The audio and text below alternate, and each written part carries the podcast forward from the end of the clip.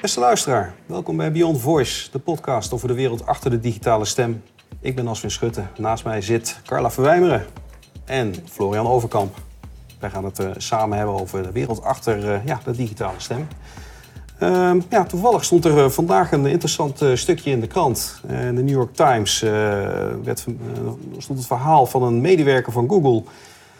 die werkt aan de kunstmatige intelligentie, die, die is geschorst. En waarom? Omdat hij denkt dat ja, de chatbot waaraan hij werkte... dat die bewustzijn heeft gecreëerd. Nou, Carla, vertel eens over. Wat, wat vind jij daarvan als je dat leest? Ja, wat vind ik daarvan? Nou, ik vond het sowieso een heel bijzonder artikel. Ik, ik denk dat het natuurlijk heel interessant is, de ontwikkeling überhaupt van ja, waar stopt menselijkheid en begint zeg maar even een machine? En, en dat, dat, ja, dat eh, is een gebied wat steeds meer eigenlijk in elkaar over lijkt te lopen. En ik denk dat dit daar weer een uh, symptoom van is. Ik zie natuurlijk ook de opkomst van virtual humans, hè, van digitale mensen.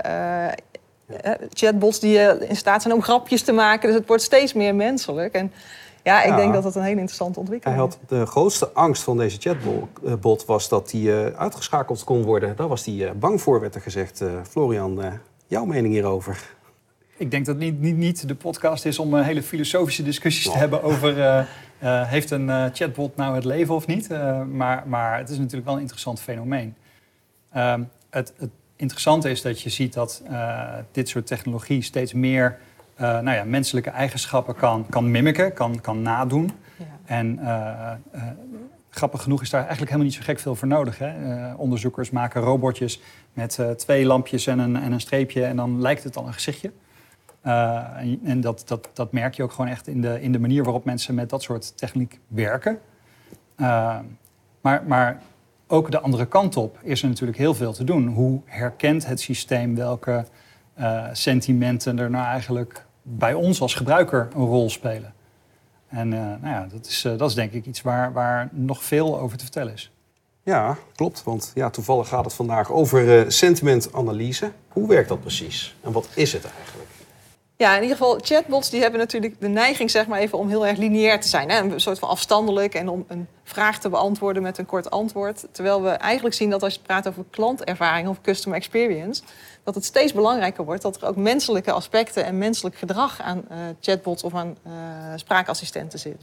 Nou, we noemen dat ook wel sentimentanalyse of sentimentmining. Dat zijn de technieken die daaronder liggen om te zorgen dat er wat meer menselijke reactievermogen en emotie in, in de dialogen terecht gaat komen. En dat is op dit moment enorm in, in opkomst. Oké, en dat sentimentanalyse, hoe werkt dat precies? Nou ja, hoe het werkt is dat je, uh, wat we eigenlijk doen is dat we modellen maken. Dus we kunnen op basis van, uh, ja, vroeger was dat NLP, tegenwoordig gebruik je ook machine learning en gebruik je ook deep learning technologieën.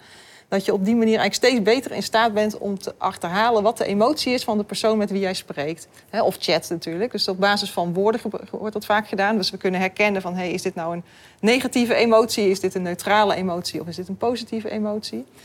Uh, het noemen polariteit, dus dat we weten van waar zit dat precies op de as. En een ander punt is uh, magnitude, dus dat we ook kijken wat is de sterkte van die emotie. Is iemand die een positieve emotie kan hilarisch zijn, bij wijze van spreken, extreem positief, of het kan gewoon een glimlach zijn. Dus zo zie je dat daar ook variaties in zitten. Nou, en op basis van eigenlijk die analyses kan je vervolgens je dialoog op je gesprek met je klant aanpassen. Oké, en zo'n zo'n bot die kan ook ironie eh, daarvan onderscheiden, dergelijke. Is dat niet wat lastig? Hè? Want je hebt sarcasme, hè? op internet is het een en ander sarcasme. Uh, haalt, een, haalt een bot dat eruit? Ja, nou, ik denk dat is natuurlijk heel ingewikkeld voor een machine. Kijk, wij mensen, wij, als iemand iets tegen ons zegt, dan hebben wij eigenlijk bijna direct in de gaten of iemand iets sarcastisch bedoelt, hè, of dat het uh, een soort van oprecht is. Ja. En overigens, sarcasme kan nog steeds oprecht zijn. Maar wat je wel ziet is dat dat voor machines gewoon heel erg moeilijk is. Dus het is echt best wel lastig om altijd die goede uh, emotie eruit te halen. Al om het simpele feit dat heel veel uh, sentimentanalysemodellen die zijn tekstgestuurd. Kan je niet horen hoe iemand het zegt. Maar als ik zeg van goh, uh, wat heb jij je werk goed gedaan? Of ik zeg, wat heb jij je werk goed gedaan? Hè, dat, dat betekent iets heel anders. Terwijl je dat niet uit tekst zou halen. Dus daar heb je ook audio voor nodig. Ja, en dan, dan had je het net over uh, heel erg de, de positieve of de negatieve kant. Het is een soort van as, hè? Ja. Uh, maar er zijn natuurlijk veel meer dimensies aan emotie. Ja. Die spelen niet altijd een rol in een dialoog, denk ik. Uh, maar, maar welke, welke mogelijkheden heb je daar eigenlijk? Nou ja, kijk, emoties uh, in de basis. Uh, er zijn heel veel modellen. Er zijn heel veel wetenschappelijke modellen mhm. eigenlijk als het gaat om emoties. En uh, met heel veel gradaties ook erin. De meeste modellen werken toch een beetje op basis van zes emoties. Hè. Ik bedoel, ik kan ze niet allemaal uit mijn hoofd, maar ik weet in ieder geval dat het gaat over hoe blij ben je, hè, angst. dus je hebt nou verschillende vormen van emoties die we proberen te herkennen en waar we eigenlijk steeds verder op, op doorgaan. En daar zijn ook heel veel open source modellen voor, om die emoties te herkennen. Vaak Engelstalige. Dus dat is wel het lastige, dat je ziet dat cultuur en cultureel bepaalde uh, analyses... die zijn wel echt iets wat je in Engeland of in Amerika kan gebruiken... kan je soms niet zomaar in Nederland gebruiken. Dus daar is nog wel ook voor de Nederlandse markt denk ik heel veel te doen. Als, als organisatie, hoe zet je dit nou eigenlijk, uh, eigenlijk in? Wat, wat zou je hiermee kunnen in, uh, in jouw callcenter of in je spraakapplicatie? Of... Ja, ja, er zijn heel veel mogelijkheden op dit moment en die worden denk ik ook al voor een deel ingezet. Uh, nou ja, wat je in de eerste plaats natuurlijk ziet, is dat het fijn is op het moment dat een medewerker met een, uh, iemand in gesprek is. En die ziet bijvoorbeeld bij live chat zie je dat vaak voorkomen. Een medewerker die, die doet vaak meerdere gesprekken tegelijk tijdens live chat. En als hij dan terugkomt bij een klant, dan is het fijn als je eigenlijk direct al in beeld hebt van... oh, dit was die hele boze klant misschien... of dit was die ongelooflijk blije klant. Mhm. Dus dat je op basis daarvan als medewerker al daarop in kunt uh, spelen. Dus je hebt eigenlijk een emotiescore zeg maar, dan ook in beeld... waardoor je al weet van wat is de, het sentiment of de, ja, ja. de, state of mind van, uh, van deze klant.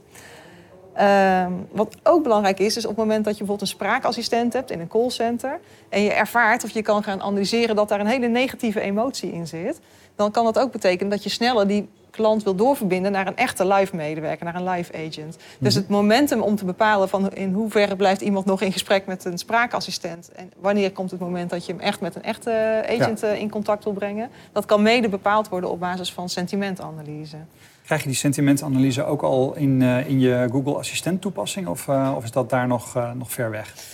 Nou ja, het kan wel, want in principe zit het ook niet in de basis in je Google Assistent, maar het zit natuurlijk in de technologie die je erachter uh, hebt hangen. Dus, die, dus daar kan je wel koppelingen mee maken. Mhm. Dus dat is eigenlijk, denk ik, al wel heel goed gebruikbaar, ook voor de Google Assistent, maar ook voor callcenters, wat ik al zei, en voor eigenlijk elke spraak- of, of teksttoepassingen en chatbots die, die je maakt. Ja, alleen daar is die escalatie naar die live agent is nog niet even een dingetje.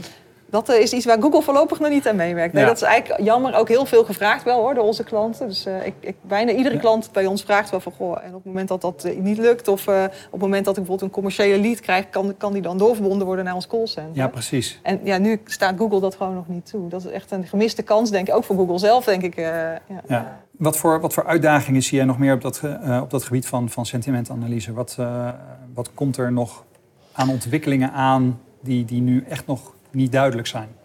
waar we het net aan het begin over hadden, is audio. Ik denk dat dat echt heel belangrijk is. Dat uh, op het moment dat jij als organisatie met sentimentanalyse aan de slag gaat en je werkt bijvoorbeeld met een chatbot, uh, hè, dan kan je dat nog best wel doen op basis van tekst. Maar op het moment dat je in een callcenter uh, werkt, dan heb je natuurlijk ook audiofiles tot je beschikking. Uh, ja, dan zou ik altijd adviseren, omdat we gewoon weten uit ervaring dat misschien audio nog wel een betere indicatie geeft van uh, het sentiment van de gebruiker dan een, uh, dan een geschreven tekst. Ja. Dus ik denk dat dat heel belangrijk is. Het is natuurlijk ongelooflijk jammer ook hier weer dat Google niet de audiofiles ter beschikking stelt. Dus op het moment dat iemand via de Google Assistent met jouw organisatie spreekt, krijg je die audiofiles niet. Dus ik denk dat daar ook nog wel, zou ik ook Google graag op willen challengen om daar, op dat anders te ja. gaan doen. Uh, dus ik denk dat dat een hele belangrijke is. Ja, ook het hè, meertaligheid, wat we al zeiden. Het is niet zomaar dat je modellen uit andere landen naar de Nederlandse taal kan doorvertalen. En je hebt als laatste denk ik ook dat sentimentanalyse heeft ook nog wel te maken met specifiek jargon uit je eigen organisatie. Oh ja. dus dat is ook belangrijk. Dat zit nooit getraind in standaardmodellen. Dus je zal altijd ook nog een laag houden uh, die specifiek voor jouw organisatie van belang is. En waar, waar, waarvan je eigenlijk de training verder gaat doen van dat, uh, van dat algoritme. Zodat je die sentimentanalyse goed kan doen. Ja, precies. Maar hier zie je dus echt wel dat het de, de next level van, uh, van, van nou ja, taalapplicaties zijn. Ja. Waar, waar, je het hebt over een chatbot op je website of zoiets dergelijks. Ja, een smiley interpreteren naar de emotie die erachter ligt is misschien wat makkelijker dan, ja. dan, de, dan de, de geschreven taal. Laat staan de gesproken taal. Ja, ja, ik denk dat dat de terechte conclusie is. Het is gewoon, en, en het is nogmaals voor machines gewoon echt wel heel moeilijk om, uh, om de goede emotie te detecteren. Maar het wordt echt wel steeds beter. En ik denk zelf dat naar de toekomst toe dat het ook wel een eis gaat zijn hè, voor klanten om een positieve ervaring te gaan hebben. Ja. Uh, ja, dan kom je niet meer alleen maar weg met zeg maar, functioneel het goede antwoord geven. Uh, ja, je wil dan ook die next step zetten en zorgen dat je ook op die emotie van die klant kan inspelen. Dat ik bijvoorbeeld zelf heel erg mooi vind, is op het moment, stel je voor dat jij in een chatgesprek zit of met een spraakassistent aan de telefoon en je merkt dat die emotie van die klant heel goed is. kan je ook als organisatie denken... ik ga nu een review vragen aan die klant, hè, die uh, ergens uh, gepubliceerd wordt. Of is die, is die emotie nou heel Ja. negatief? Dan kan je misschien denken van... goh, misschien moet ik iets van compensatie aanbieden. Een cadeaubon of een bos bloemen. Of nou, dus je kan ook je dialoog zelf inhoudelijk laten beïnvloeden... door het sentiment wat op dat moment bij die Ja. gebruiker speelt. Nou, daar liggen in ieder geval genoeg businesskansen. Nou, en het, mooie, het mooie vind ik wel dat je ook al vertelde dat daar ook gewoon open source, open standard modellen voor zijn. Ja, ja. Uh, dus ik zie inderdaad uh, in het open source landschap uh, best wel veel toepassingen nu op dit vlak. Inderdaad ook nadenken over sentimentanalyse. ja, ja. Uh, dus je kunt er gewoon mee aan de slag. En dan, nou ja, waar, waar je dat niet zelf wil doen, schakel je professionele dienstverlener in. ja, zo is dat Ja, eigenlijk ook. Ja, ja. Mooi. Heb je verder nog iets ter afsluiting?